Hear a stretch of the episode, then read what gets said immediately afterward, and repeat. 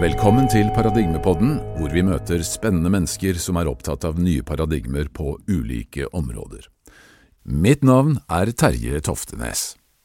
Ja, øh, fremdeles litt i forkjølelsesmodus, men allikevel klar for en ny episode av Paradigmepodden. I dag sitter jeg igjen sammen med min kjære sønn, Troll Toftnes, sånn at vi faktisk nå skal lage del to i uh, denne miniserien Far og sønn diskuterer forskjellige ting og sånn. Ja. Og i dag så er tema evolusjon og evolusjonsteori. Yes.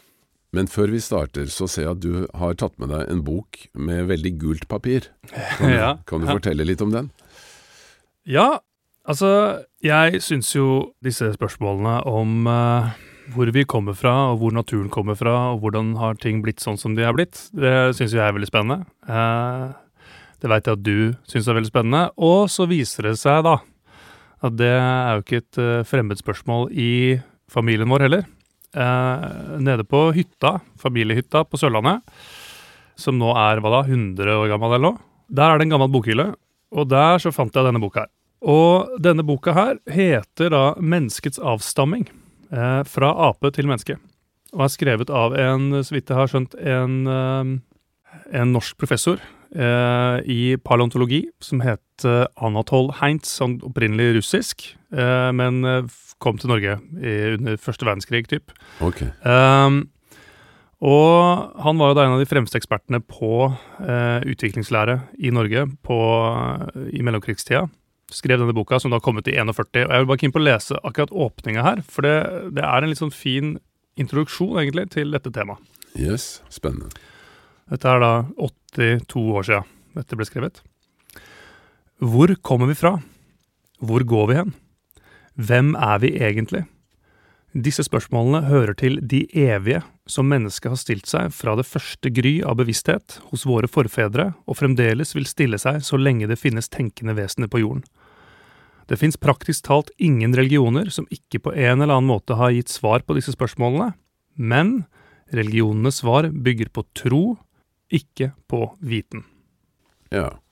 Og da er vi jo på en måte tilbake der vi var i forrige episode vi gjorde sammen. ja. Tro og viten og tro på at man vet, og så videre. Ikke sant? Eh, Det evige tema. Men altså, det er jo interessant da, at uh, disse spørsmålene som vi i denne podkasten er veldig opptatt av, uh, de var like opptatt av dette på 40-tallet, og de var like opptatt av dette sikkert 100 år før, og 100 år før det, osv., osv. Så, videre, og så, videre. så dette er jo, som han sier også, ting som mennesker har balet med, liksom, uh, i ledige stunder, opp gjennom hele historien.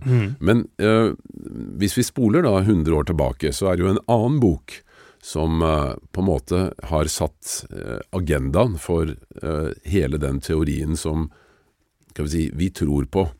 Og det er jo boken til Charles Darwin fra 1859. Mm. Hva vil du si om det?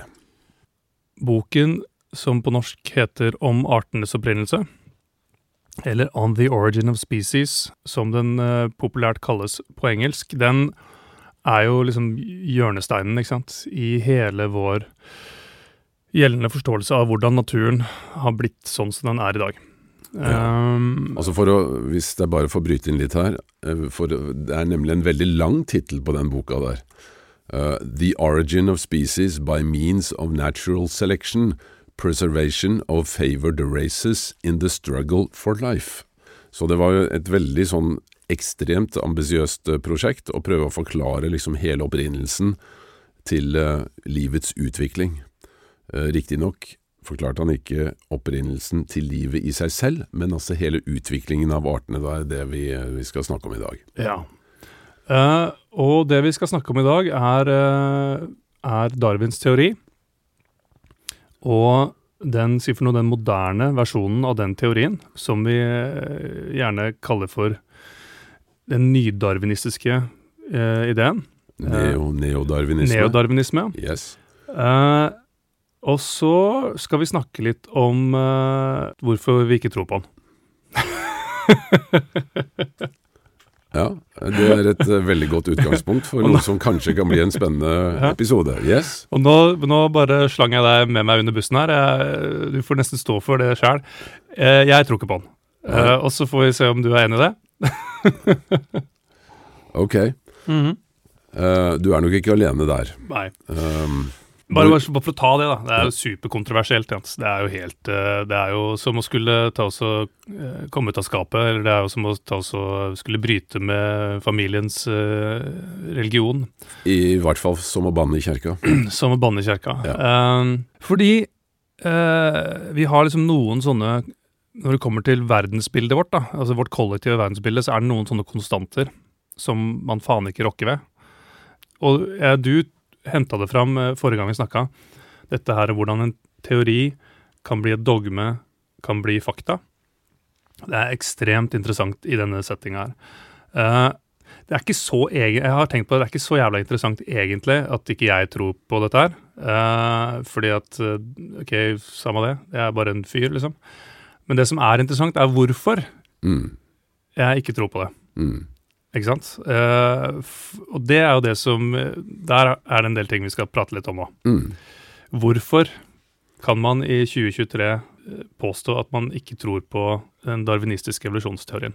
Når hele naturvitenskapen og forståelsen av livets opprinnelse er basert på den. Mm.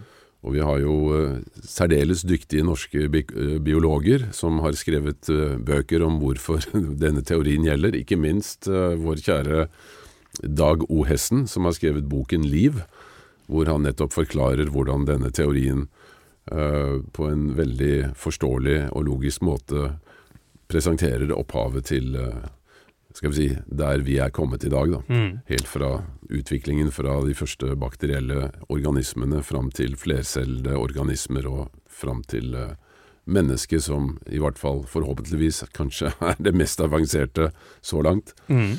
Ja. Det er jo helt klart, det er helt åpenbart at eh, naturen bygger på eh, Altså bygger på seg selv. At det er en utvikling i, i livsformene i Mm. de ulike organismene, planter og dyr. Eh, helt åpenbart. Altså, det ser vi jo når, bare, hvis du sammenligner et øh, altså Hvis du går helt tilbake til øh, skal vi si, zygoten, da, altså hvordan øh, menneskefosteret utvikler seg fra de første cellene, så ser vi jo at etter de første ukene så ser jo at et menneskefoster veldig likt ut et fiskefoster eller et kyllingfoster. Mm. ikke sant? Altså Det er veldig mye de samme karakteristika. Sånn at uh, det er jo helt opplagt at det bygger liksom på de samme grunnleggende uh, biologiske prinsippene helt fra starten. Definitivt. Uh, og at det har vært en utvikling over tid, det tviler jeg heller ikke på. Jeg er også ganske overbevist om at si for noe, de darwinistiske mekanismene, da, hvis man kan bruke det ordet, eh, har en eller annen funksjon i biologien. Men at den darwinistiske mekanismen forklarer utviklingen så tilforlatelig som det presenteres i dag, det klarer jeg ikke lenger å tro på. Men da må vi si noe om den darwinistiske mekanismen. Uh, ok, Darwins evolusjonsteori, veldig kort fortalt. Altså, historien er jo at uh, på begynnelsen av 1830-tallet så var da Charles Darwin, som var en ung eh, antipolog, han reiste da med eh, skipet MS Beagle på en reise eh, ut på den store verden, og eh, var da annet innom eh, den øygruppen som ligger eh, vest for Sør-Amerika, som heter eh, Galapagos. Som er da en, en, en serie øyer som eh, ligger nærme nok hverandre til at de kan kalles en øygruppe, men langt nok fra hverandre til at det er, det er vanskelig å komme seg fra øy til øy. Da. Og på disse øyene så, opp, så eh, observerte han da en, si en gjeng med fugler, noen arter av finker, som tydeligvis var liksom sånn spesialtilpasset de ulike eh, faunaene på de ulike øyene. ikke sant? Fordi at eh, de øyene er jo relativt like, men det er noen planter som vokser mer på den øya, og noen planter som vokser mer på den øya. Noen eh, insekter som det er mer av her, og noen insekter er mer av der. Mm. Og litt forskjellig geologi, litt forskjellig topografi, osv., osv., ikke sant? Og så begynte han å legge merke til at de, eh, respekt, altså de respektive finkene da, på hver sin øy, som helt tydeligvis var liksom av samme familie, hadde noen på en måte spesialtilpassede eh, egenskaper som funket veldig bra i de eh, miljøene som de levde i. Og det mest tydelige var hvordan nebbene var formet. Noen var ganske små og spisse, andre var store og kraftige. Eh, og formen på disse nebbene var liksom helt uh, Var veldig tilpasset den type mat uh, og de utfordringene som, den, som, de respektive finkene hadde. Og denne historien her tar han da med seg til, og disse observasjonene tar han da med seg tilbake igjen til England. Og uh, bruker da 15 år på å utvikle denne teorien uh, om at arter som lever i ulike miljøer, over tid tilpasser seg disse miljøene. Og så er det da de som er mest tilpasningsdyktige, som blir eh, altså de dominerende i sitt miljø, da. Er det dette som man kaller naturlig seleksjon? Ja. Og så og én ting er å observere at det er en, at det er en spesialtilpasning i ulike områder over tid, men hans teori gikk på hvordan dette var mulig. Og da kom da den teorien som vi da kjenner som naturlig seleksjon, på bakgrunn av tilfeldig variasjon. Mm. Darwin han eh, levde på eh, altså den midtre delen av 1800-tallet, og fikk aldri med seg oppdagelsene som handla om, eh, om, genetikk. Så det han observerte, var det at ved noen tilfeller så ble det da født et individ i en eller annen flokk av dyr som hadde en eller annen variasjon. Mm. Og hvis den variasjonen, som da gjorde det ene individet litt annerledes enn alle andre på, i flokken, hvis det var en variasjon som gjorde det individet litt mer motstandsdyktig mot sykdom, hadde litt bedre forutsetninger for å skaffe seg mat, eller gjorde at det hadde eh, bedre forutsetninger for å formere seg, altså var mer attraktivt til, ja, til paring osv., og, og gjerne helst kombinasjonen av alle disse tre faktorene, så var det en statistisk større sjanse for at det individet var den som etter hvert ble den dominerende i den flokken. Eh, og over tid så ville den variasjonen sette seg og gå fra å være en, en, eh, et anomali til å bli en, den normale tilstanden, ikke sant. Mm. og dette mente han var grunnen til at disse finkene på Galapagos var blitt eh, fått ulike dominerende variasjoner på hver enkelt øy. Og han foreslo også da i den boka si at hva om denne mekanismen også fungerer i hele dyre- og planteriket, og at det faktisk er sånn alle myriadene av ulike organismer har blitt sånn som det har blitt, gitt nok tid til å utvikle seg. Det Darwin aldri snakket noe om, for han levde jo i en tid hvor kirken fremdeles eh, hadde liksom domene når det kom til alt som hadde med ånd og spiritualitet og ikke minst menneske å gjøre. Så han turte aldri å foreslå at mennesket også var en del av denne, denne mekanismen. Mm -hmm.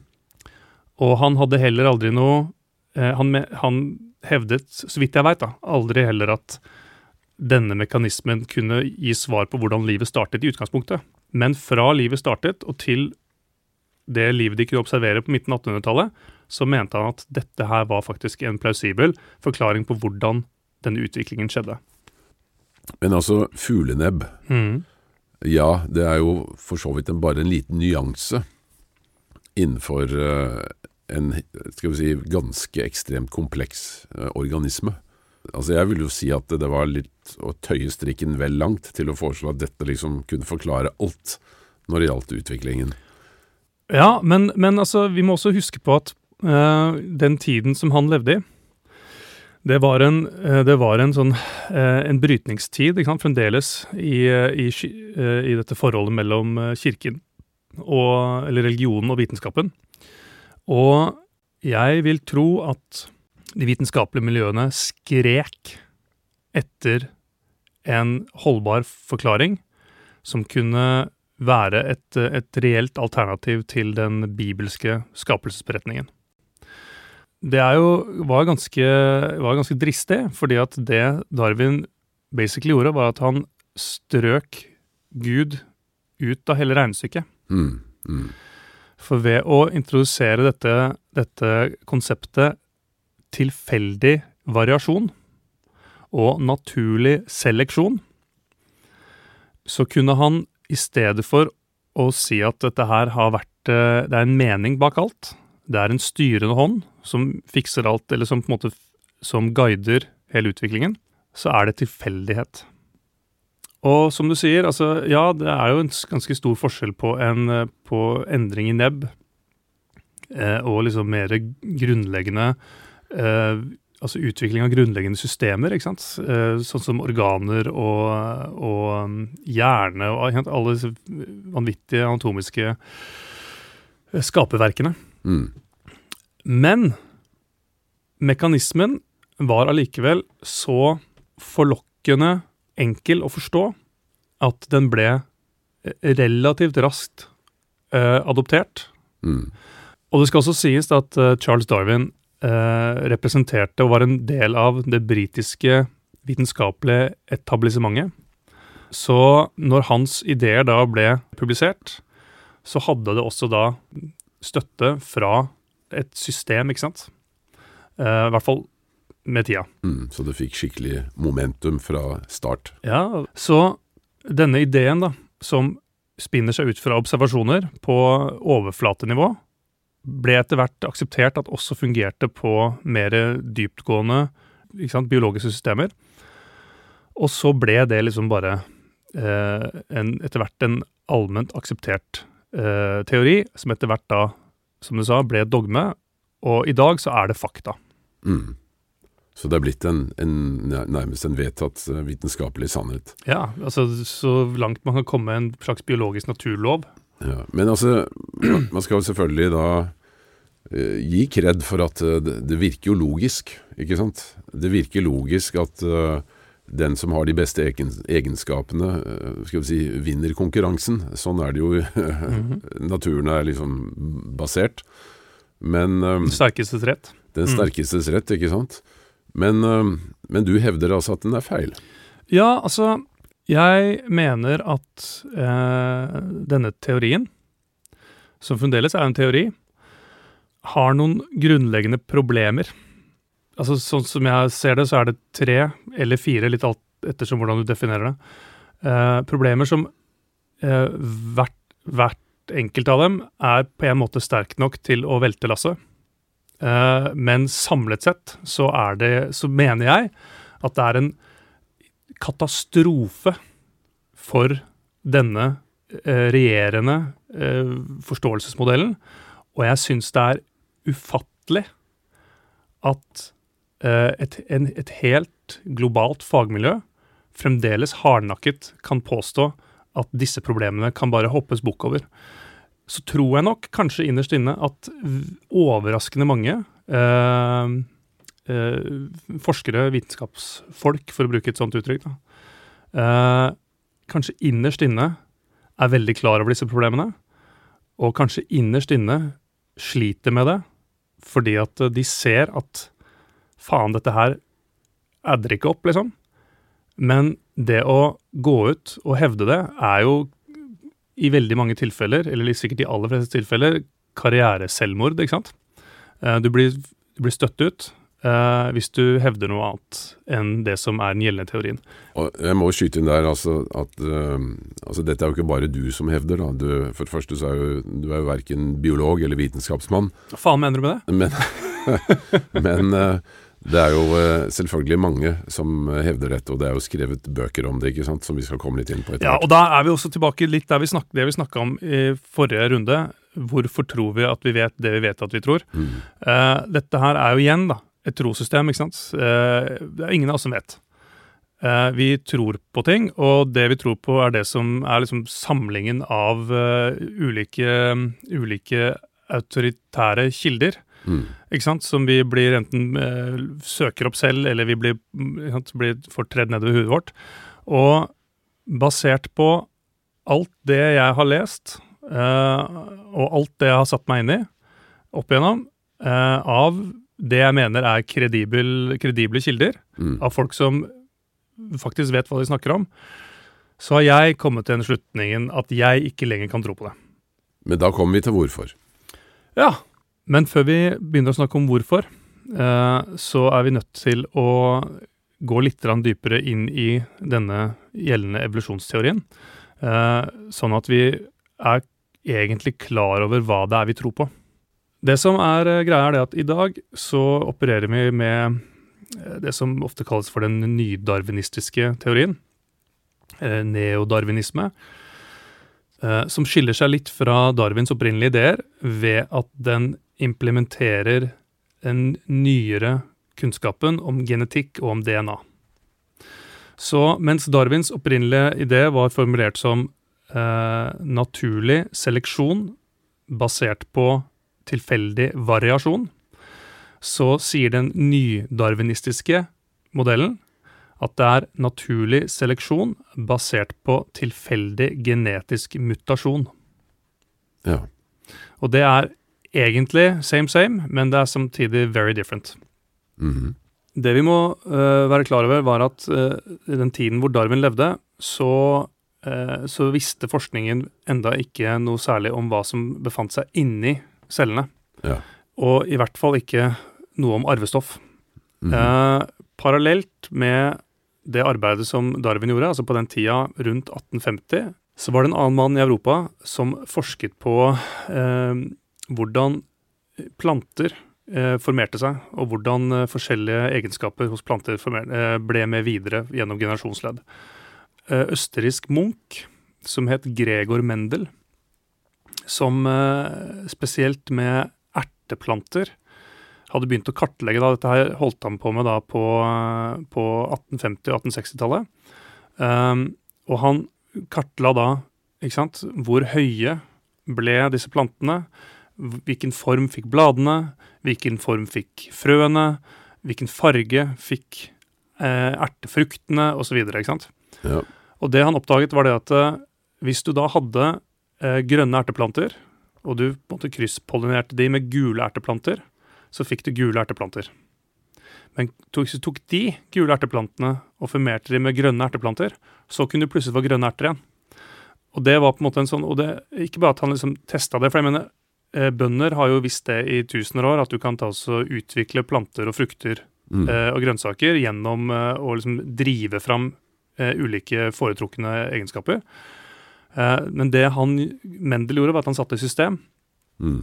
og basically lagde den første teorien om genetikk og om gener. Mm. Problemet da, til Gregor Mendel, og som ofte er problemet i vitenskapelige strukturer og miljøer, er at han var en, eh, han var en munk i Østerrike, eller i Tyskland, eh, og ikke en del av et etablert vitenskapelig miljø. Darwin derimot var jo det, så når han lanserte sine teorier, så gikk det ganske kjapt fra de ideene ble publisert til de ble liksom eh, presentert for hele verden. Men for Gregor Mendel så publiserte han teoriene sine, og så skjedde det ikke noe mer. Mm -hmm. Og først 30 år etter at uh, Mendel døde, han døde i 1888 eller noe sånt, så ble bøkene hans oppdaget, og så fikk han sin anerkjennelse. Så han har jo på en måte fått en sånn post, posthuman, eller sånn der uh, Altså anerkjennelse først etter sin død, da. Ja. Uh, som da grunnleggeren av genteorien, ikke sant. Som vi leste om i naturfagbøkene på, på skolen, husker jeg. Ja. ja det, så denne teorien her var jo på en måte den manglende puslespillbrikken i teorien til Darwin. Ja. For Darwins bare observerte variasjonene. Man kunne ikke forklare hva var det som hva var driveren i variasjonene. ikke sant? Mm -hmm.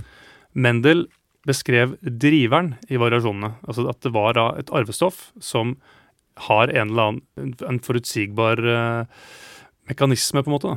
Men hvis vi da spoler eh, 100 år frem fra eh, 1850-tallet til 1950-tallet, så skjedde jo det som virkelig revolusjonerte hele skal vi si, biologien, med at man klarte å, å kartlegge selve DNA-molekylet, altså denne DNA-spiralen. Ja. James Watson og Francis Crick er jo blitt berømt for det, for de var de første som klarte å lage en visuell fremstilling av hvordan dette arvestoffet så ut som igjen da ble, altså eh, enda 50 år senere, gjenstand for det såkalte Human Genome Project, hvor man klarte å analysere alle genene. ikke sant? Så nå har vi da kommet frem til den tiden hvor vi virkelig kan skal vi si, se eh, arvestoffet eh, helt ned på dette altså molekylnivået. ikke sant? Mm.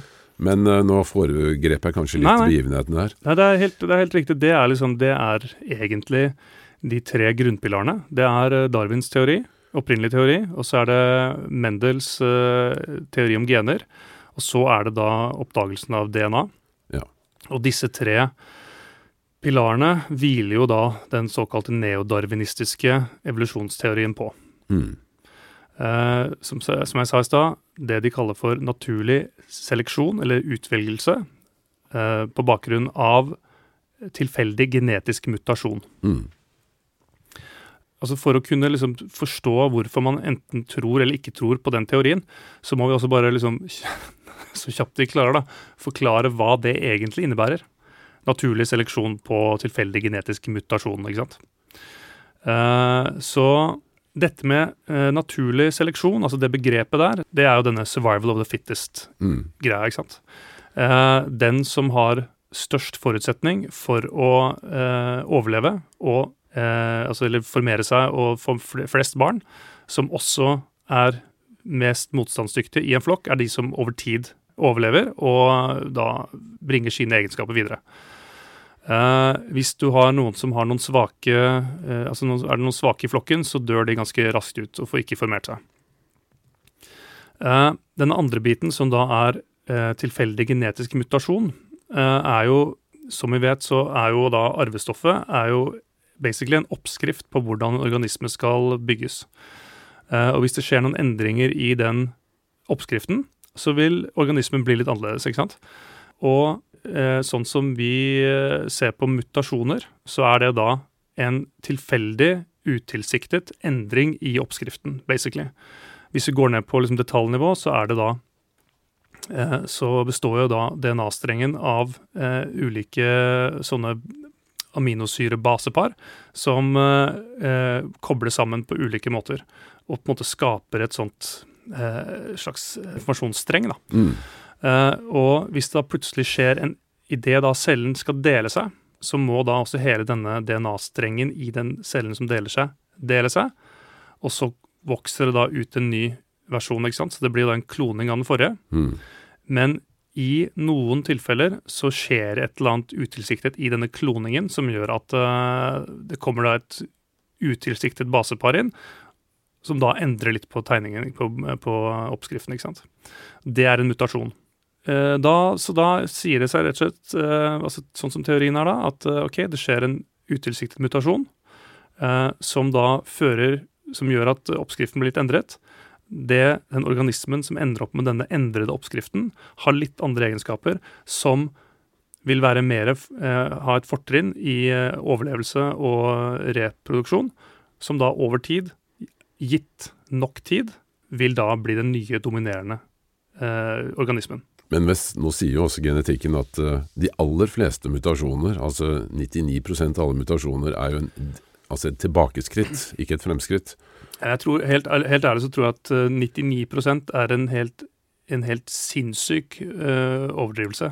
altså, altså i positiv favør.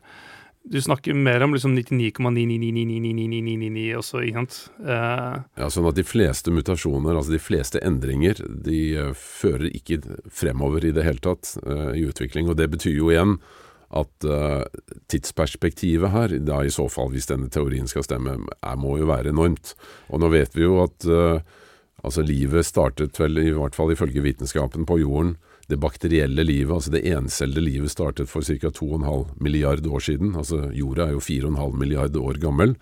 For 2,5 milliard år siden så dukket det første livet opp, uvisst av hvilken grunn. Men uh, først for uh, 1,5 milliarder år siden så startet de første skal vi si, flercellede organismene å utvikle seg. Så vi har altså hatt en, uh, altså halvannen milliard år på å komme fra en, den første en, eh, altså flercellede organismen fram til eh, i dag, hvor vi har eh, eh, altså pattedyrene da, og mennesker som det mest avanserte. mm. Så eh, vel, altså det er jo, det er jo veldig mange år. Veldig mange millioner, milliard eller uh, år. Men allikevel, når du ser på den ekstremt lille sjansen for at denne mutasjonen skal være et skritt fremover, og ikke som de aller, aller, aller fleste er skritt bakover, så spørs det jo allikevel om man har nok tid. Ja, og så, og så tror jeg også selv det, å på en måte se et skritt framover eller et skritt bakover, er også en, på en, måte, en litt sånn behagelig forenkling også. Og det, dette her, Nå begynner vi jo å nærme oss det første store problemet mm -hmm. med den gjeldende teorien. Og det er dette med kompleksitet, ikke sant. Og eh, fordi at vi i 2023 vet helt ekstremt mye mer om kompleksiteten, kompleksitetsnivået i biologien enn det Darwin gjorde på midten av 1800-tallet, så må vi også forholde oss til at naturen er mye, mye mer kompleks, og biologien er mye mer kompleks enn det eh, vi trodde da. Og eh, når eh, kompleksitetsforståelsen har gradvis økt, eh, så har vitenskapen vært nødt til i stadig større grad tillate seg noen sånne litt behagelige forenklinger for å få teorien til å overleve. Eh, ja, de aller fleste eh, genetiske mutasjoner er degenererende. Altså det, det ødelegger oppskriften. Ikke sant? en veldig veldig stor andel av disse mutasjonene er helt irrelevante. Altså det, det, bare, ok, det, det, skjer en eller annen ting på så, et så mikroskopisk eh, lite nivå at det har egentlig ikke noe funksjonell endring i det hele tatt. Altså det liksom, og det, sånne mutasjoner skjer jo hele tiden. Men så er det da det som du nevner, dette framskrittet. Altså i de tilfellene hvor da en sånn genetisk mutasjon fører til en faktisk en funksjonsforbedring. Det er det jo egentlig ikke organismen som bestemmer om det er en forbedring eller ikke. Det er bare om det er mer tilpasningsdyktig det gitte miljøet organismen lever i. ikke sant? Så det, det er på en måte så er det ikke liksom noe forbedrende genetiske mutasjoner. Det må da i så fall bare liksom funke bedre med, med omgivelsene. Og der mm. er vitenskapen på jævlig tynn is. For det som er tilbake til det jeg sa i stad om at jeg, tror fremdeles på at det fins eh, noen eh, darwinistiske mekanismer i biologien. Eh, et veldig kjent eksempel er, eh, er eh, Altså, under den industrielle revolusjonen i Storbritannia så ble dampmaskiner fyrt med kull, og eh, byene ble kullsvarte, ikke sant. Ja, det var både av dampmaskiner og av uh, fyring generelt. ikke sant? Folk ja. varmet opp hjemmene sine med kull. Industrien ble drevet av kullfyrte kraftverk osv. Så, ja. ja. Eh, så det var ekstremt mye kull i, i atmosfæren, i lufta. Eh, alle, alle, hus, alle veier, alle vinduer. Alt hadde et sånn derre svart sot. sot. ikke sant? Altså Det kaltes jo for smog den gangen. Ja. ikke sant? og på en gang på 50-60-tallet eller sånt nå, så var det så vidt jeg husker da, så var det i hvert fall da en, en studie. Fordi at det var da en, en sånn helt spesiell art av, av nattsvermere som hadde liksom sånne gråhvite vinger.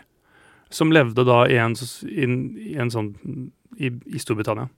Og i da innenfor et sånt område eh, så levde disse her, og de, de satte seg da på hvite bjørketrær. Fordi at de, da var de på en måte usynlige.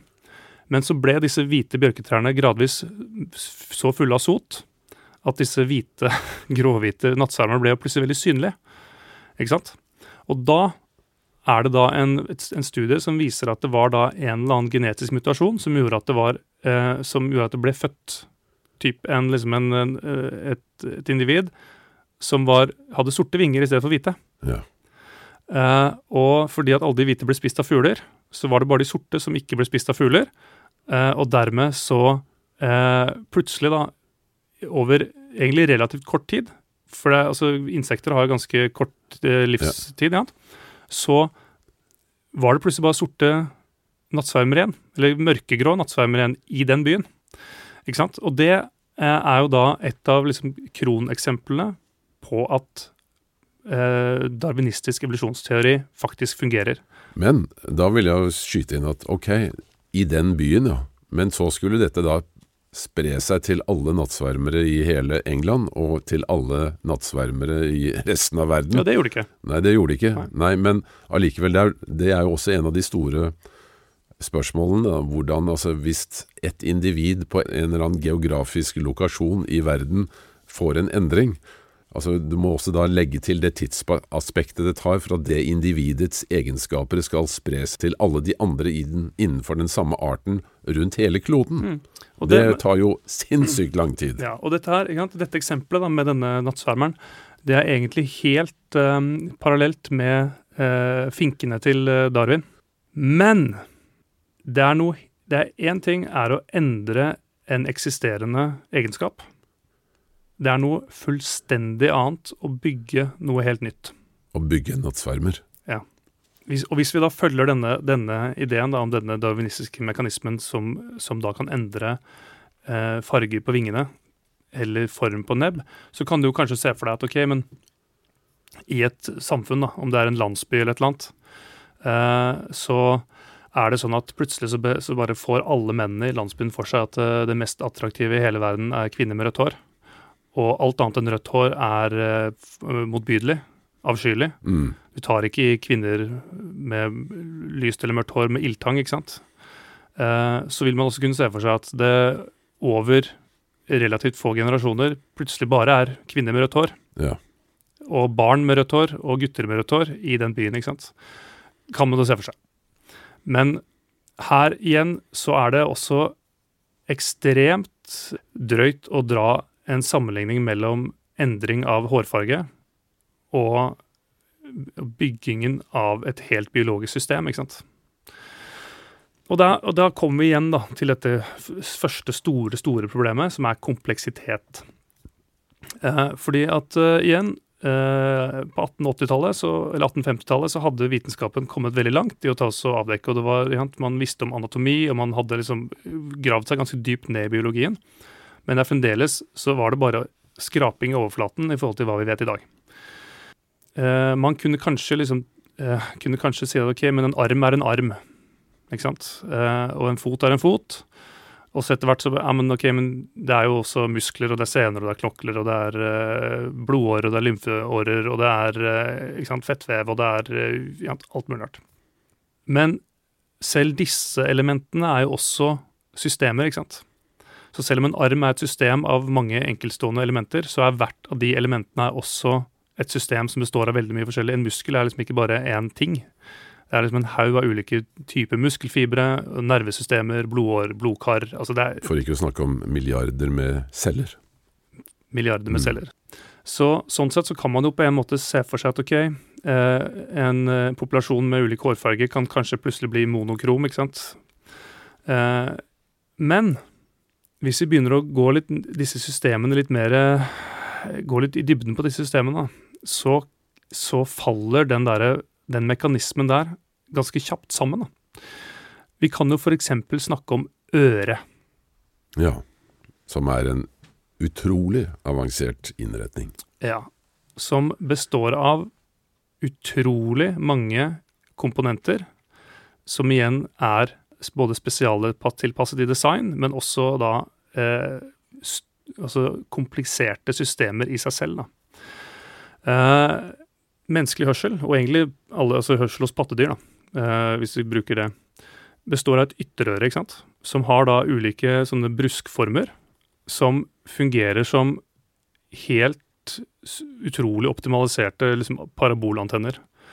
Eh, de er formet på en helt spesiell måte, sånn at de ulike eh, lydbølgene, altså lengden på lydbølgene, eh, samles på, eh, og sentreres inn i øregangen. Hadde du bare hatt et hull rett inn, så hadde liksom mesteparten av lydene i uh, ulike deler av frekvensspekteret bare liksom forsvunnet. Men øret er da formet sånn at det helt spesifikt sender da disse ulike lydbølgene på riktig måte inn i øregangen. Mm. Og der inne så kommer de da til trommehinna, som er en sånn veldig sånn tynn hud, eh, hudmembran, ikke sant den trommehinna på innsiden er koblet til et bitte, bitte, bitte lite knokkel, altså en bein, beinstruktur. På eh, millimeterstørrelse? Ja. Eh, som heter eh, hammeren. Som igjen eh, er, sitter helt inntil en eh, bitte liten knokkel som heter ambolten. Og som igjen da er på en måte sitter helt inntil en bitte liten knokkel som kalles for stigbøylen. Og disse tre bitte små knoklene er formet på en sånn helt spesiell måte, sånn at de på en måte fungerer nesten som et, et ledd, altså som et treledd. Det er nesten som en, som en skulder- og albueledd i, armen. Sånn at de, kan, de, sitter sammen og kan bevege seg i forhold til hverandre. Eh, og denne stigbøyle, stigbøylen er da festet til et nytt membran, altså som om det er en bitte, bitte liten trommehinne til på andre siden. Dette er altså inni det vi kaller for mellomøret? Mellomøret. Disse tre beina er da konstruert på en så helt spesiell måte at vibrasjonene som treffer trommehinna, de blir forsterket opp gjennom et vektstangsprinsipp. Det er jo et uh, kjent prinsipp. Ja, kjent ingeniørprinsipp.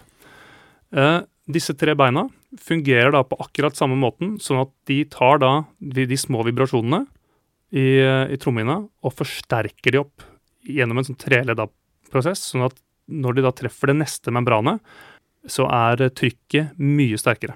Mm -hmm. Dette neste membranet sitter da på det som vi kaller for sneglehuset, som også er en, en benstruktur som ser ut som et sneglehus, altså som en som liten sånn eh, spiralforma tunnel. Mm. Som er størst ytterst, og som blir mindre og mindre og mindre.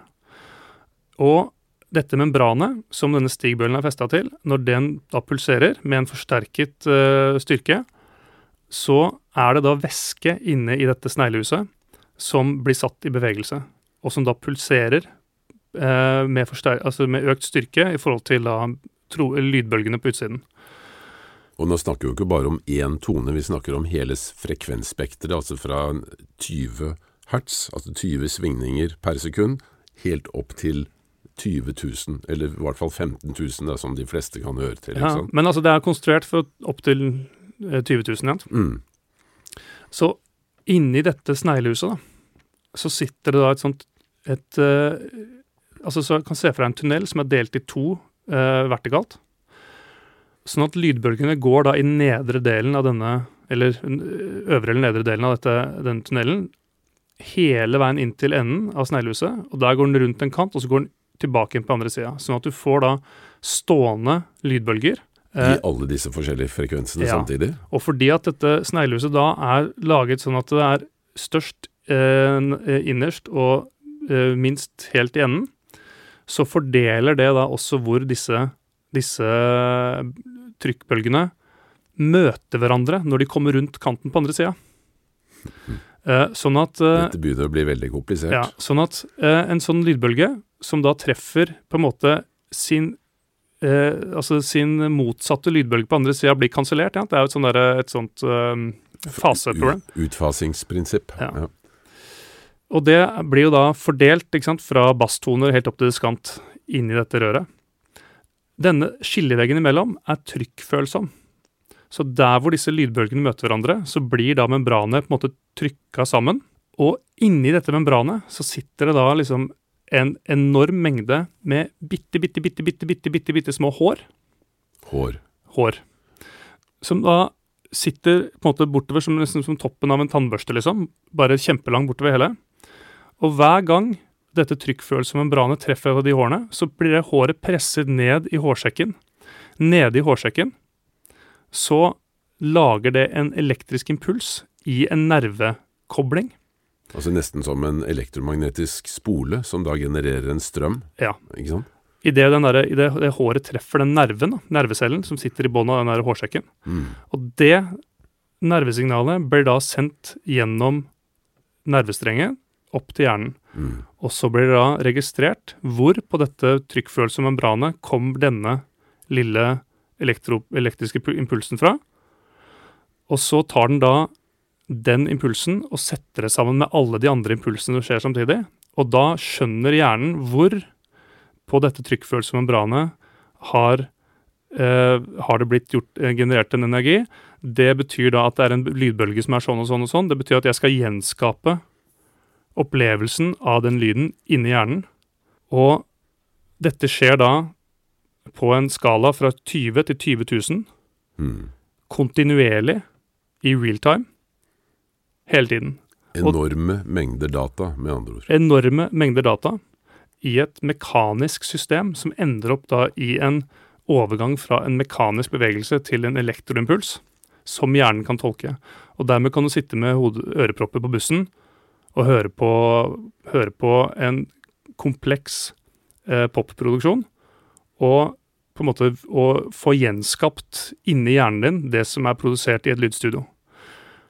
Denne konstruksjonen her, da, dette systemet her, er også da, ifølge neodarwinistisk evolusjonsteori, oppstått helt tilfeldig. Og ikke bare har det oppstått helt tilfeldig, men hver eneste komponent må ha nødvendigvis ha oppstått separat. For sjansen for at et sånt øre, en sånn ørekonstruksjon, oppstår av en tilfeldig genetisk eh, mutasjon, random liksom Hvis vi kan begynne å tenke alle de cellene da, og alle de funksjonene og all den, program, eller all den oppskriften som skal til for å lage et sånt system Hvis det skal oppstå instantaneously, liksom, for å plutselig gi da et, en organisme en avansert hørsel, altså bare tilføre et nytt sanseorgan, Mm. og ikke bare da et sanseorgan.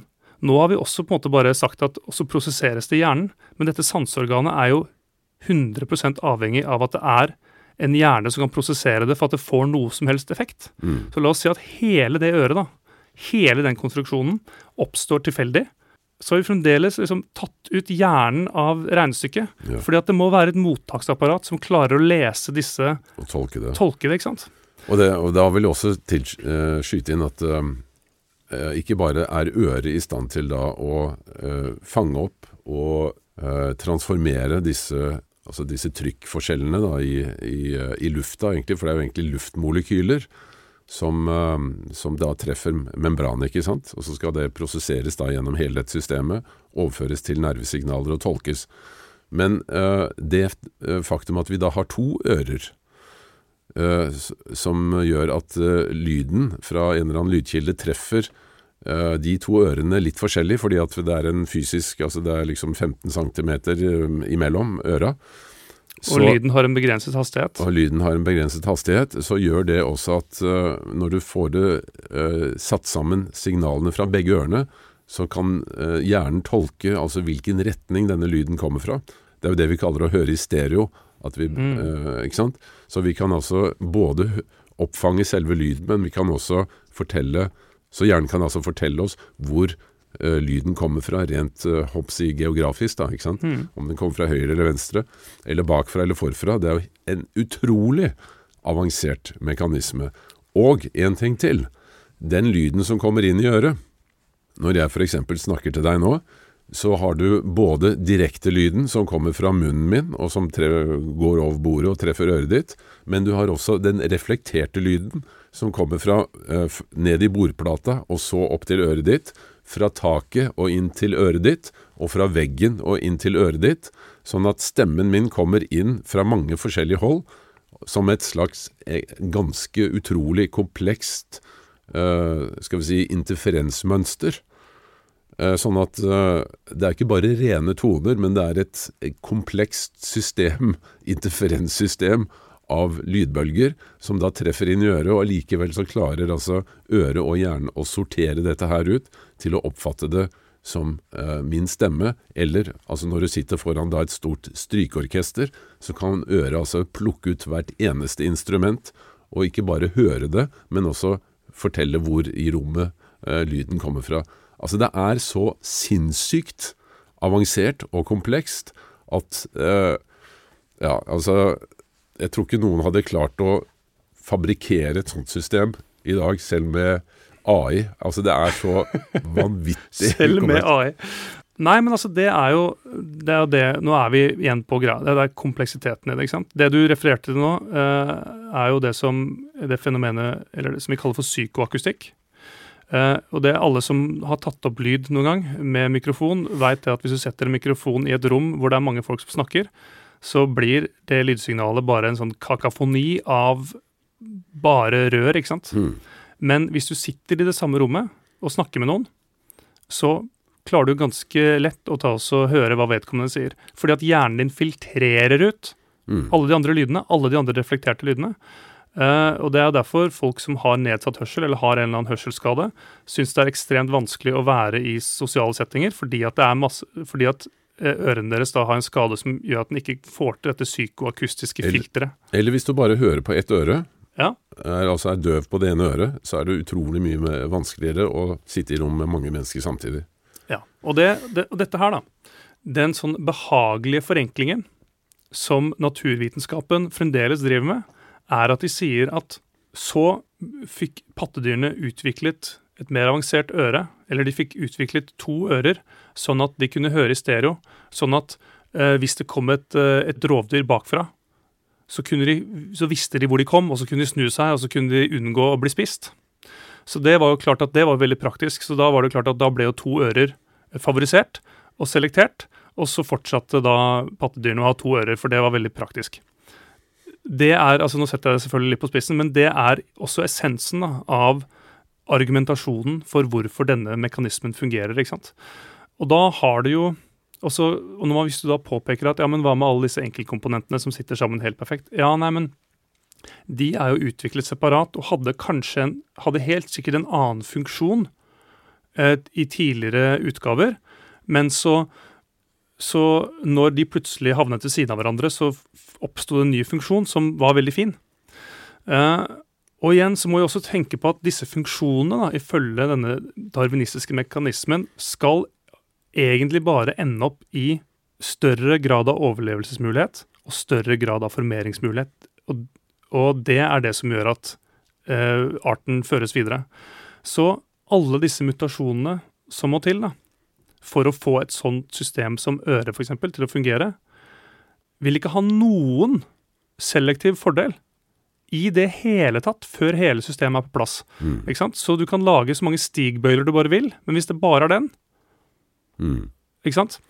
Uh, og da blir dette en lang utredning, men nå kommer vi da til andre, andre problemet, ikke sant? Men så må jeg bare tilføye Ja. at det er jo ikke bare øret. Altså, vi, rett ved, ved det, det du nettopp har beskrevet inne i mellomøret, så sitter det også balanseorganet, f.eks. som er altså like vanvittig komplekst, som gjør at vi kan stå oppreist selv på ett bein Hvorfor uten skal å, du gjøre det så jævlig vanskelig, da? u- uten å falle over på siden. Og for ikke å snakke om synet, altså når vi begynner å se på øyet og alle de det vanvittig komplekse systemet som øyet er, og også det at vi har to øyer. Og for ikke å snakke om luktesansen med alle sine sensorer, og for ikke å snakke om osv., osv., osv. Altså hele menneskekroppen er så sinnssykt avansert, bygget opp i sånne utrolig, utrolig komplekse systemer, at eh, ja, altså jeg, det er fristende å bruke ordet naivt. Jeg mener at det er helt fullstendig naivt å tro at dette er bare et resultat av en lang serie med eh, skal vi si, lykkelige tilfeldigheter. Ja. Det blir rett og slett Ja, jeg skal ikke si noe stygt, men eh, Ja, og da ja. Ja, nei, men det er det, er, det, er, det, er det altså. Og der går du inn på dette her. akkurat Jeg skulle også til å si det i stad. Altså, nå har vi snakket om øret, men det er egentlig på en måte også en ganske enkel konstruksjon, fordi at vi kan se det mekaniske i det. Eh, hvis du begynner å snakke om hvordan øyet fungerer, eller ja, disse andre organene, og du begynner å snakke om da, da er du helt nede på liksom, hvordan ulike cellereseptorer Mm. fungerer. Og det, det og med en gang du begynner å gå ned i, på den mikroskopiske skalaen og se hvordan cellene fungerer, hvordan bakteriene fungerer, hvordan samspillet mellom mikrobiomet og organismen fungerer, så blir det så hinsides mye mer komplisert. Mm. Eller komplekst, da. Uh, og jeg må, selv om det tar litt tid, dette her, så må jeg også dra den, der, den eh, sammenligningen med, med et operativsystem. Igjen bare for å understreke hvor ufattelig, ufattelig eh, usannsynlig denne teorien egentlig er. Eh, DNA-strengen inne i cellekjernen er fordelt over ulike kromosomer.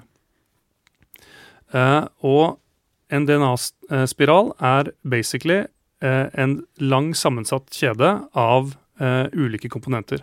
Er fire ulike uh, komponenter i denne datastrengen, så når de settes sammen på forskjellig måte, så lager det forskjellige uh, forskjellig informasjonsrekkefølge da, i denne oppskriften.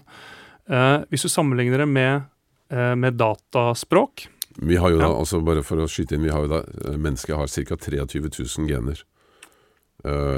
Som, og hvert gen har disse fire komponentene, ikke sant? Som da kan uh, settes sammen i forskjellig rekkefølge, og som også da kan kobles fra eller, eller til. ikke sant? Mm. Så det er jo en, en utrolig mengde med variasjonsmuligheter der. Ja, så hvis du ser på, hvis du ser på DNA da, som en sånn oppskrift, så er det jo cellen ikke sant, som leser denne oppskriften, eh, og dermed utvikler seg sånn som den får beskjed om å gjøre. Sånn sett kan du si at eh, cellen er en datamaskin, og DNA-et er da et, eh, et program. Mm. Et dataprogram, ja. Det er en, en kilde, en, en datakode. Hvis du da sammenligner cellen med en datamaskin, eh, og DNA-koden med et eh, dataprogram, eller en datakode eh, Vi bruker jo en sånn binær, binært system, altså med to ulike komponenter, ener og nuller, Mm. eh, mens det da i, det ville vært da 0, 1, 2, 3 ikke sant, i et, eh, et DNA-system. Men se for at du tar da kildekoden til et uh, stort, komplekst dataprogram, som f.eks. operativsystemet Mm. i en, data, i en datamaskin. Uh, Mac OS på en Apple-maskin, uh, Windows på en PC, IOS på en, Apple-telefon, en iPhone eller Android. ikke sant? Det er et Mm. operativsystem. Det er jo det basically det er jo det basically DNA er. Det er et operativsystem. ikke sant? Mm. Så ser du for at du tar da hele Altså all, all teksten, alle, alle datategnene som er skrevet inn i kildekoden til dette operativsystemet, som er f.eks. da Windows, og så bryter du hvert tegn ned i sine respektive eh, binære sekvenser, ener og nuller, og så ser du for deg da en endeløse rekken med ener og nuller du har foran deg da.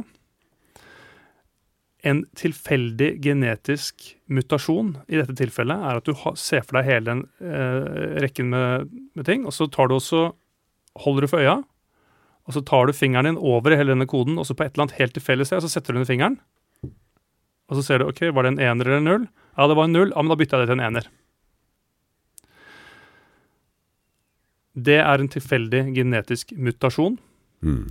Og så kommer da Darwin, altså den darwinistiske evolusjonsteorien og sier at og basert på en sånn genetisk tilfeldig mutasjon, så ender vi opp med en forbedret utgave av Windows.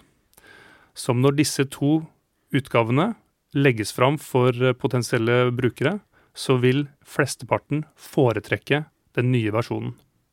Mm. Hvor stor er sjansen for at den genetiske endringen skaper en bedre versjon av Windows? Det, det, går, det går ikke an. Det går ikke an, ikke sant? Mm. Eh, og du kan, ta så, du kan prøve å omgå dette her så mye du vil, men det er faen ikke mulig, ikke sant? Eh, og altså, hvis vi da ta, igjen tar dette over på et biologisk nivå, så skal da dette operativsystemet gjøre at cellen og dette her må da selvfølgelig skje da veldig tidlig på embryostadiet, på, et, på en sånn stamcelle, sånn at den stamcellen kan videreføre denne endringen. Og så blir det liksom en bedre Ikke sant? Så igjen eh, Vi Tilbake til det vi snakka om i stad, med sant, de aller, aller, aller fleste sånne genetiske mutasjoner er enten en ødeleggelse av, eh, av koden, eller så er de en irrelevant greie som ikke får noen endring. ikke sant? Men sjansen for at det faktisk blir et jævla øre, liksom Ja. Men dette bringer oss da videre til eh, skal vi si, det neste punktet på listen her, og det er det vi kaller ikke-reduserbar kompleksitet. Og nå har vi jo altså snakket om hvor sinnssykt kompleks sånne systemer er. Altså det består av så utrolig mange eh, eller ulike elementer som alle må være til stede samtidig for at systemet skal funke.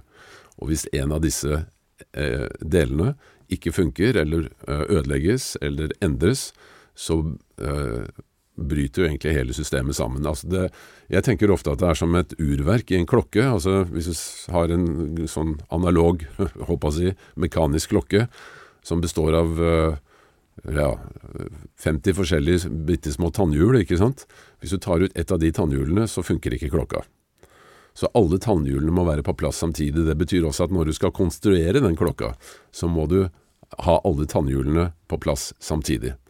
Og det er jo et sånt veldig enkelt eksempel da med at uh, hvis du ser for deg en musefelle uh, som består av syv forskjellige komponenter, altså du har en, en treplate, og så har du en sånn bøyle, og så har du en utløsemekanisme, og så, og så videre. Alle vet jo hvor, hvor en sånn gammeldags musefelle ser ut. For å bygge den, og at den skal fungere, så må alle delene være på plass samtidig. Du kan ikke utvikle den bit for bit. Og det betyr jo også at uh, det må være en plan bak, ikke sant?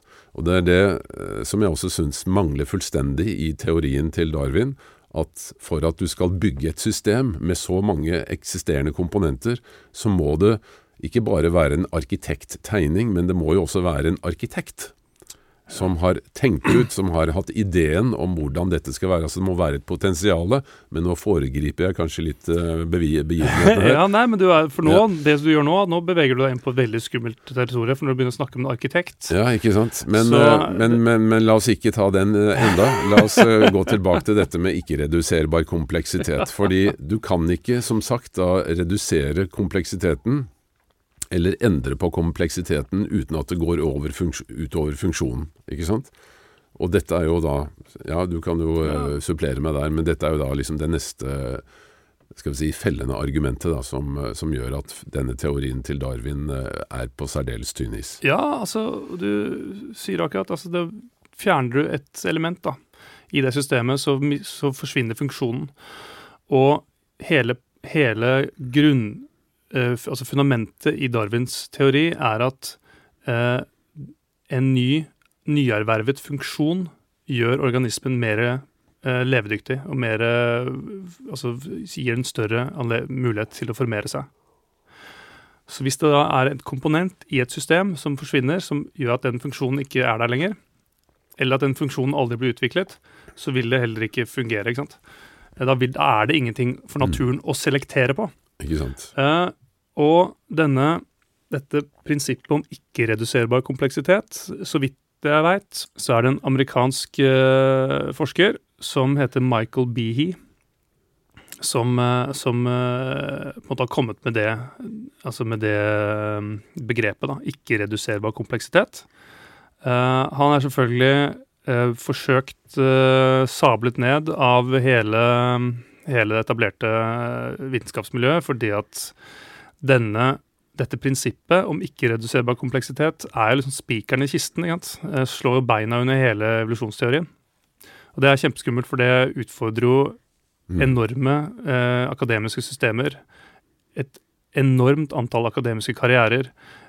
Men det eh, Bihi eh, presenterte da da han kom med dette her på midten av 90-tallet, eh, var at hvis det er sånn at Eh, for at en funksjon, funksjon skal være selekterbar for eh, naturen, altså survival of the fittest, eh, og den funksjonen er avhengig av et Altså er et, avhengig av et biologisk system for å fungere. Og det systemet er bygget opp av enkeltkomponenter som hver seg må oppstå gjennom darwinistiske prosesser. Men inntil komponentene fungerer sammen som system, ikke har noen funksjon, så kan de heller ikke dukke opp gjennom det samme darwinistiske mekanismen. Ja, logisk nok. Sånn at eh, fordi at hele systemet, eller hele teorien, er bygget på at disse, dette skal skje tilfeldig, eh, så vil ikke sånne tilfeldige eh, eller, tilfeldige elementer som dukker opp, de vil ikke fortsette å bli med i, i gener seinere generasjoner hvis ikke de på en måte tilfører noe.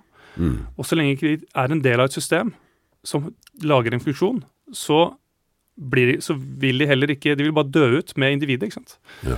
Um, og han Bihi har jo et eh, Et av hans store, store eksempler er jo denne bakterieflagellen, som er basically uh, en sånn liten hale som noen bakterier har. Uh, og altså Beste eksempel er som et sånt rumpetroll som har en sånn liten hale som går, eller en sædcelle som har en sånn liten tråd bak. Ja. Uh, når vi ser på sånne altså mikroskopiske flageller ovenifra, så ser det ut som den går fram og tilbake. For vi ser et eh, sånt uh, mikroskopbilde er todimensjonalt, men den går egentlig rundt. Roterer Ja, så den den, halen. Ja. den fungerer som en slags, en slags sånn en halepropell, da. Ja. Så når den roterer, så driver den da organismen framover. Den gir en fremdrift som, Ja. En, ja, som en propell. Ja. Og hastigheten på dette her, eh, altså hvor kjapt disse bakteriene kan bevege seg med denne flagellen, er helt vanvittig. Men hvis du begynner å gå ned da på sånn helt sånn molekylært nivå, så har vi jo sett, da, vitenskapen observert, at uh, denne flagellen er da koblet til et drivverk i bakenden på denne bakterien.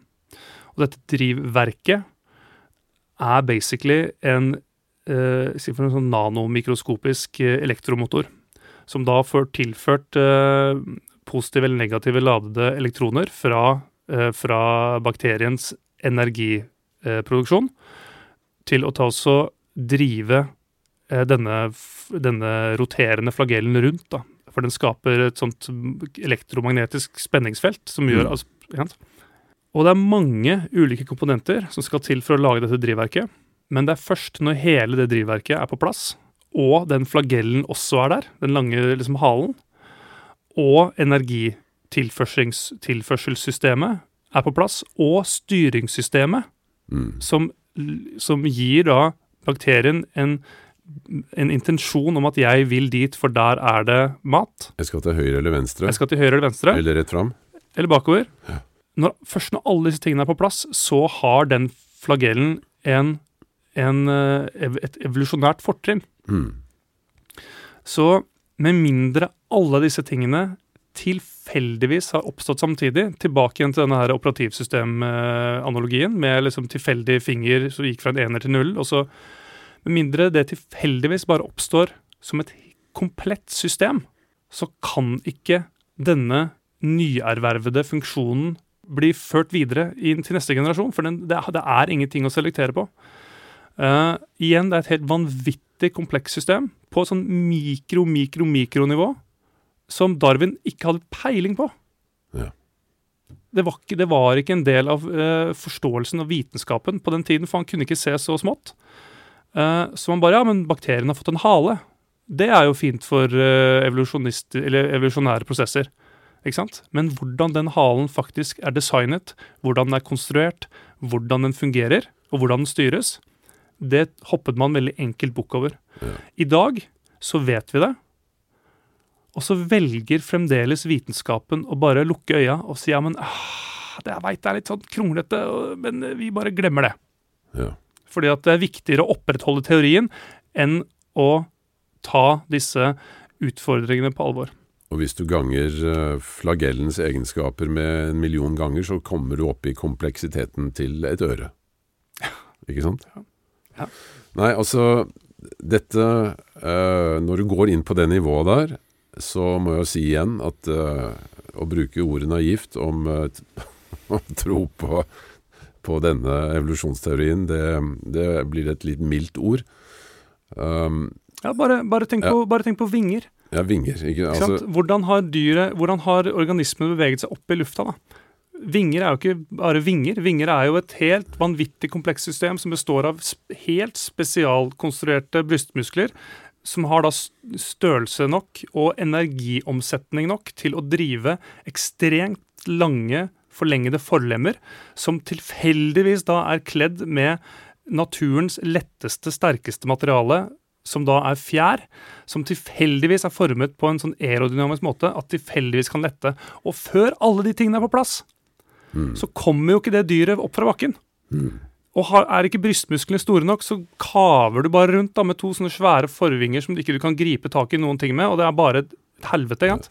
Og dette, altså, sånn kan man fortsette inn i det uendelige, i det uendelige, når, du, når du begynner å gå inn og analysere alle livsformer i naturen. La oss begynne å snakke om mysele, sopp, de underjordiske soppnettverkene som kobler sammen hele faunaen i skogen, ikke sant? Mm.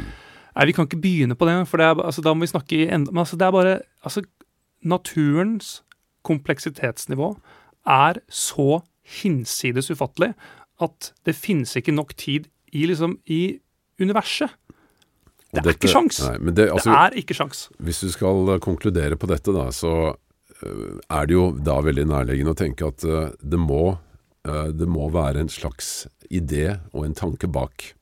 Det må altså være en arkitekt. Og selvfølgelig, nå kommer vi da inn på det som gjør det spesielt uspiselig for naturvitere. Fordi da begynner vi å, bevege oss over i skal vi si, den metafysiske øh, delen av verden.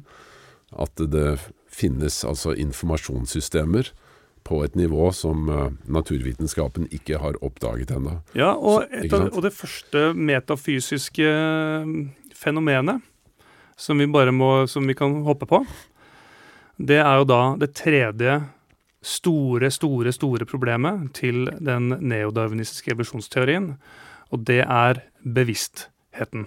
Ja. Fordi The hard problem in science, som Ja. det heter. Ja. Fordi eh, det er dessverre sånn at de neodarwinistiske evolusjonsmekanismene de kan ikke forklare skapelsen av bevissthet. Og de prøver og de prøver og de prøver, men det går ikke. Hmm. Hvordan kan noe ikke-fysisk oppstå fra noe fysisk? Ja.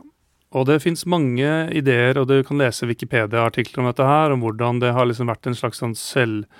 Eh, altså self-awareness ja, eh, i tidligere organismer for, for å kunne ta valg, for å kunne ikke sant, sånn og sånn og sånn. Eh, Vi kan begynne å forstå forskjellene på den type eh, awareness, altså eh, årvåkenhet, Hmm. Og altså hvor du kan samle inn informasjon om eh, store mengder data og sette det sammen til fordelsaktige liksom, konklusjoner. Altså hvis du, over, hvis du tar med dette nye feltet om AI nå, da, så er det en, en, eh, en kjensgjerning at det er en vel ekstremt stor forskjell på, eh, på sånne datacrunchere som eh, sånne språkbotter eller sånne bildegeneratorer, sånn som Midjourney, eh, ChatGPT, sånne type ting, som egentlig bare prosesserer enorme mengder data og har fått beskjed om hvordan de skal eh, lage et output som virker overbevisende. Og ekte AI, altså Mm. ekte selvtenkende, selvopplevende eh, bevissthet, mm. som eh, også har denne, dette elementet som vi kaller for eh, Filosofene kaller for kvalia. Ja. Altså De forsøkene naturvitenskapen har på å prøve å skape et sånt, en darwinistisk skapelse av bevissthet, havner liksom der hvor chat-GPT er.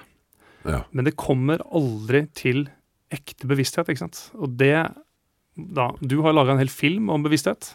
Ja da. Bevissthetens kreative spill, eller The Creative Play of Consciousness. Og altså be, fenomenet bevissthet da, forskes det jo veldig mye på nå.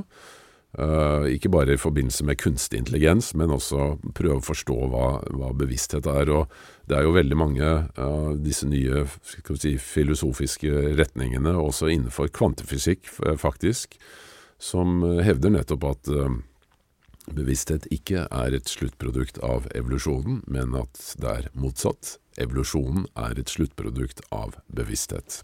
Mm. Og da kommer vi inn på skal vi si, både spirituelle og andre typer filosofiske retninger som vi har diskutert mye tidligere, eh, mye eh, i tidligere utgaver av denne podkasten, og som vi også skal fortsette å diskutere i senere utgaver, fordi jeg syns jo det er noe av det mest sentrale når det gjelder å forstå hele vår virkelighet, altså hva vi egentlig er en del av, og hva vi er med på. For å begripe det, så må vi også få en helt annen eh, skal vi si, forståelse av hva bevissthet egentlig er. Og som du igjen sier, dette er umulig å forklare ut fra darwinistisk teori. Dette er igjen eh, tredje spikeren i kista på denne evolusjonsteorien. da. Ja, det er tre ganske solide spikere i denne kista, men du må på en måte ganske godt ned i kompleksiteten for å forstå hvorfor, disse, hvorfor dette er spikere. Eh, jeg har hatt, forsøkt meg noen ganger, enten på, på fest eller blant kollegaer i jobbsituasjon, å ta også når disse temaene har kommet opp, og liksom litt sånn tilforlatelig bare ja, jeg vet ikke om jeg tror helt på den teorien til Darwin, jeg. Og reaksjonene lar ikke vente på seg. at Folk blir sånn herre Hæ? Mm.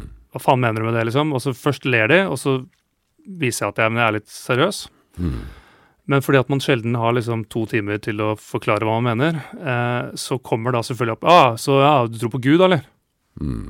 Ikke sant? Eh, og det er jo det som er problemet her. at eh, med, Det er som du har tatt opp et par ganger nå. altså Det å forkaste denne teorien om at dette her er helt tilfeldig, Mm. fordrer det motsatte, at det ikke er tilfeldig. Og hvis det ikke er tilfeldig, og, hvis, og vi skal ta liksom høyde for den kompleksiteten i det vanvittige samspillet av myriader av uh, supertilpassede organismer som lever i inntil menneskene kom, da, et relativt harmonisk økosystem, Mm. så må det da nødvendigvis komme inn en eller annen form for plan eller en intensjon eller en arkitekt. Mm. Uh, og da, snak, da er man plutselig inne i dette som blir omtalt som intelligent design. Mm. At naturen er basert på et eller annet intelligent design.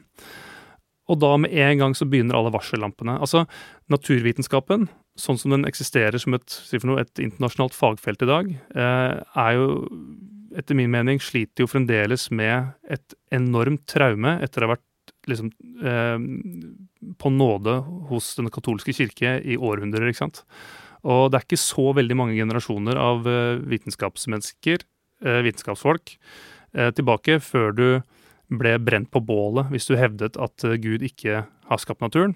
Sånn at jeg tror nok vi kan ganske trygt si at naturvitenskapen som fagfelt har en ganske sånn sterk grad av PTSD, som fremdeles, som fremdeles preger hele denne debatten. Da. Så med en gang du begynner å liksom eh, nevne dette det kanskje ikke er tilfeldig allikevel, uh, altså da kommer jo liksom alle de røde flaggene opp sant, med en gang, og så sier de ja, men altså, ok, så du mener at det er Gud, da?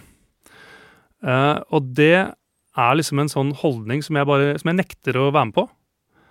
Eh, altså, hvis prinsippet eh, er det at eh, ok, hvis du nå skal forkaste en 170 år gammel idé, en 170 år gammel skapelsesberetning, ja, så da må du erstatte den med en 2000 år gammel skapelsesberetning i stedet, da.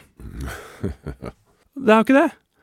Det som er hele poenget, er at vi, i lys av denne nye kunnskapen, denne nye forståelsen av kompleksiteten i naturen, vi trenger en ny evolusjonsteori. Vi trenger en ny skapelsesberetning Mm. som tar på alvor kompleksiteten i naturen, som tar på alvor kompleksiteten i disse enormt finurlige systemene, eh, som ikke bare fungerer på, liksom, på individuelt nivå på celleplan, men som en del av store flercellede organismer, men også som en del av økosystemer, ikke sant, og tar det på alvor. Så vi trenger en ny evolusjonsteori som må overta for den gjeldende neodarwinistiske modellen. For den er utdatert. Den fungerte kanskje i gamle dager når vi ikke skjønte så mye, men den fungerer ikke lenger. Vi må ha en ny evolusjonsteori. Og det er jo fristende også å tilføye da et element til, som faktisk ikke er en spiker, men som jeg vil nesten sammenligne mer som et helt spett. Og det, det er jo det faktum at livet har oppstått i det hele tatt. Altså hvor kom den første gnisten fra, eh, altså av liv fra? Hvor kom den fra? Det er jo noe som eh, Darwin eh, ikke ville berøre. Altså Han snakket om artenes eh, Altså om utviklingen av artene, men hva som skapte livet, eh, det eh, ville ikke han kommentere eh, fornuftig nok. Og det er også noe av det som også er et helt stort, fremdeles kjempestort ubesvart spørsmål i naturvitenskapen. Hvordan kunne livet oppstå i det hele tatt? Altså Vi kan godt forklare det med at ja, det kom en bakterie fra, på en eh, som inni en kometstein som falt ned her på jorden for eh, og en halv milliard år siden. Eh, Men altså igjen, hvor kom de bakteriene fra? Da? Altså Livet i universet generelt, hvordan har det oppstått? Ja, og det jo det, altså, og Nå snakker man jo om at eh, kanskje er disse, her, eh, disse varme vulkanske kildene på havbunnen hvor det har vært en eller annen veldig spesiell eh, kjemisk sammensetning.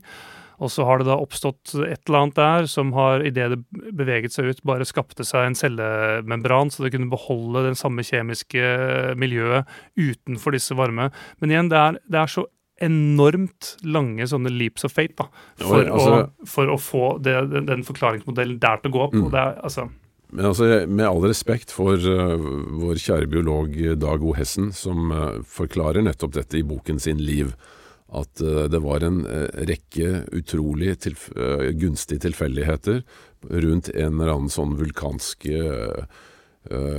aktivitet på havbunnen som på et eller annet tidspunkt hadde den, som du sier, rette kjemien og rette temperaturen og rette trykket og rette elementene for at plutselig så oppstår det liv.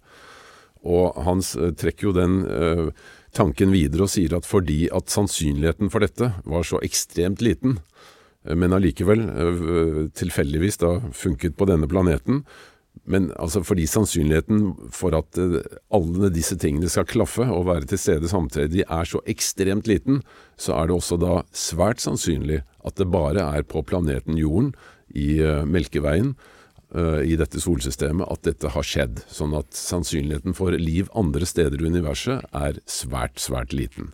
Mm. Uh, det er konklusjonen da til naturvitenskapsmannen. Uh, nå er jo ikke Dag O. Hessen til stede her og kan forsvare dette, men dette har han da skrevet i en bok.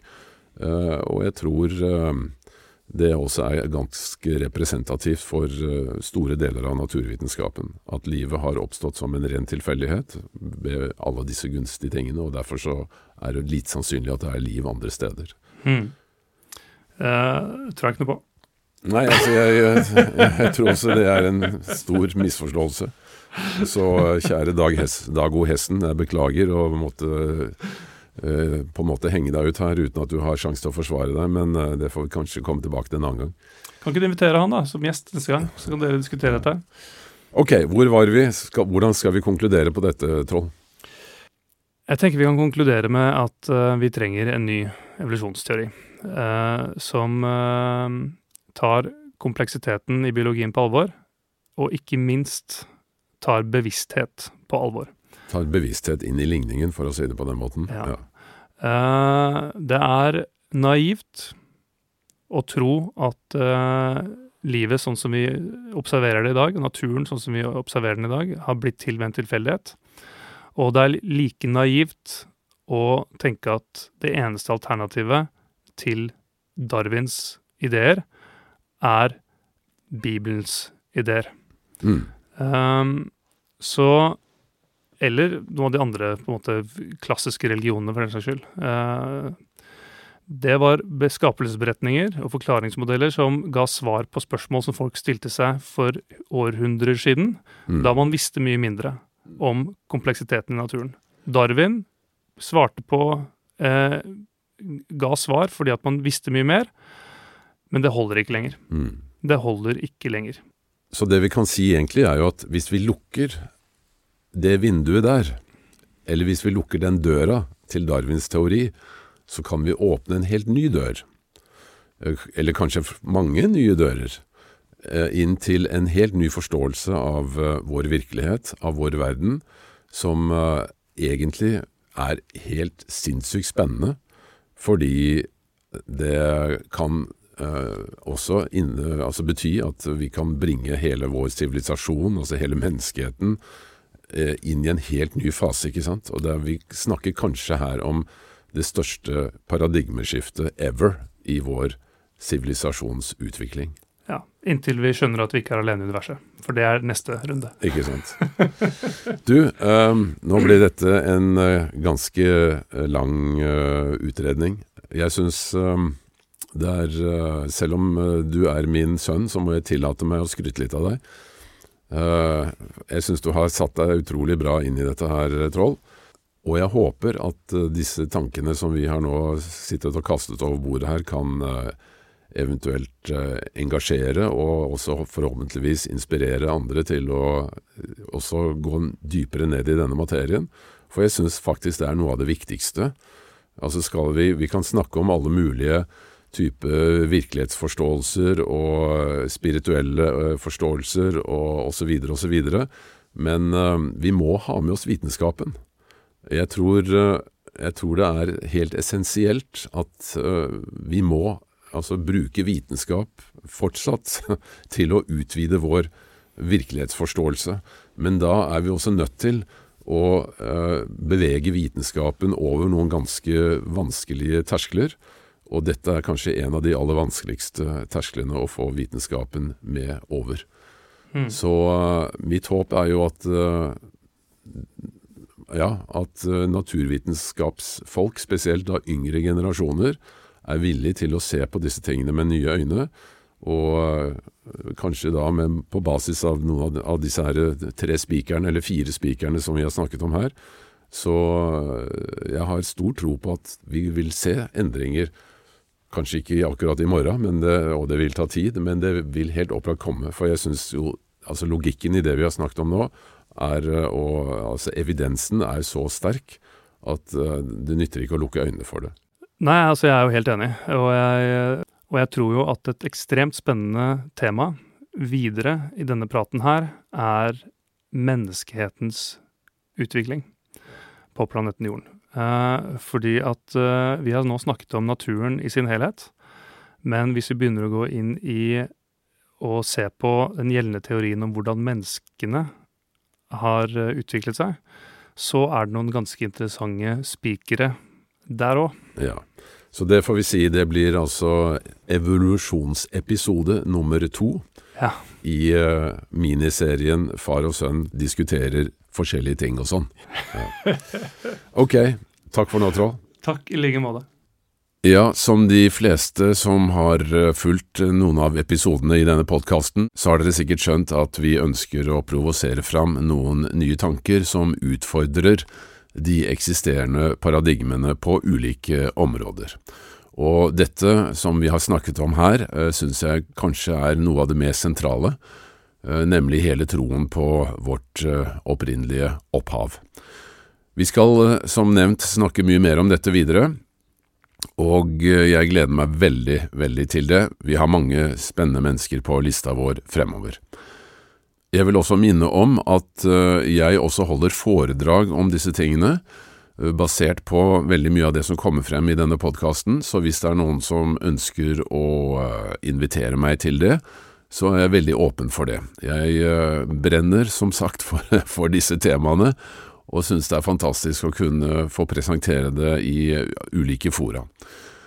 Jeg vil også til slutt minne om vårt vips nummer som er 524 005, 524 005, for de som vil støtte oss videre. Det er selvfølgelig, som jeg har sagt før, noen kostnader involvert i å lage disse tingene, også når vi må reise litt rundt og møte forskjellige mennesker, og det tar mye tid.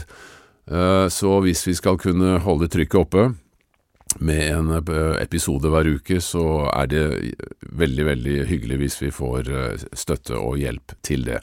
Og vi ønsker fortsatt ikke å måtte bryte av sendingene stadig vekk med reklamer for å kunne få midler til å drive det.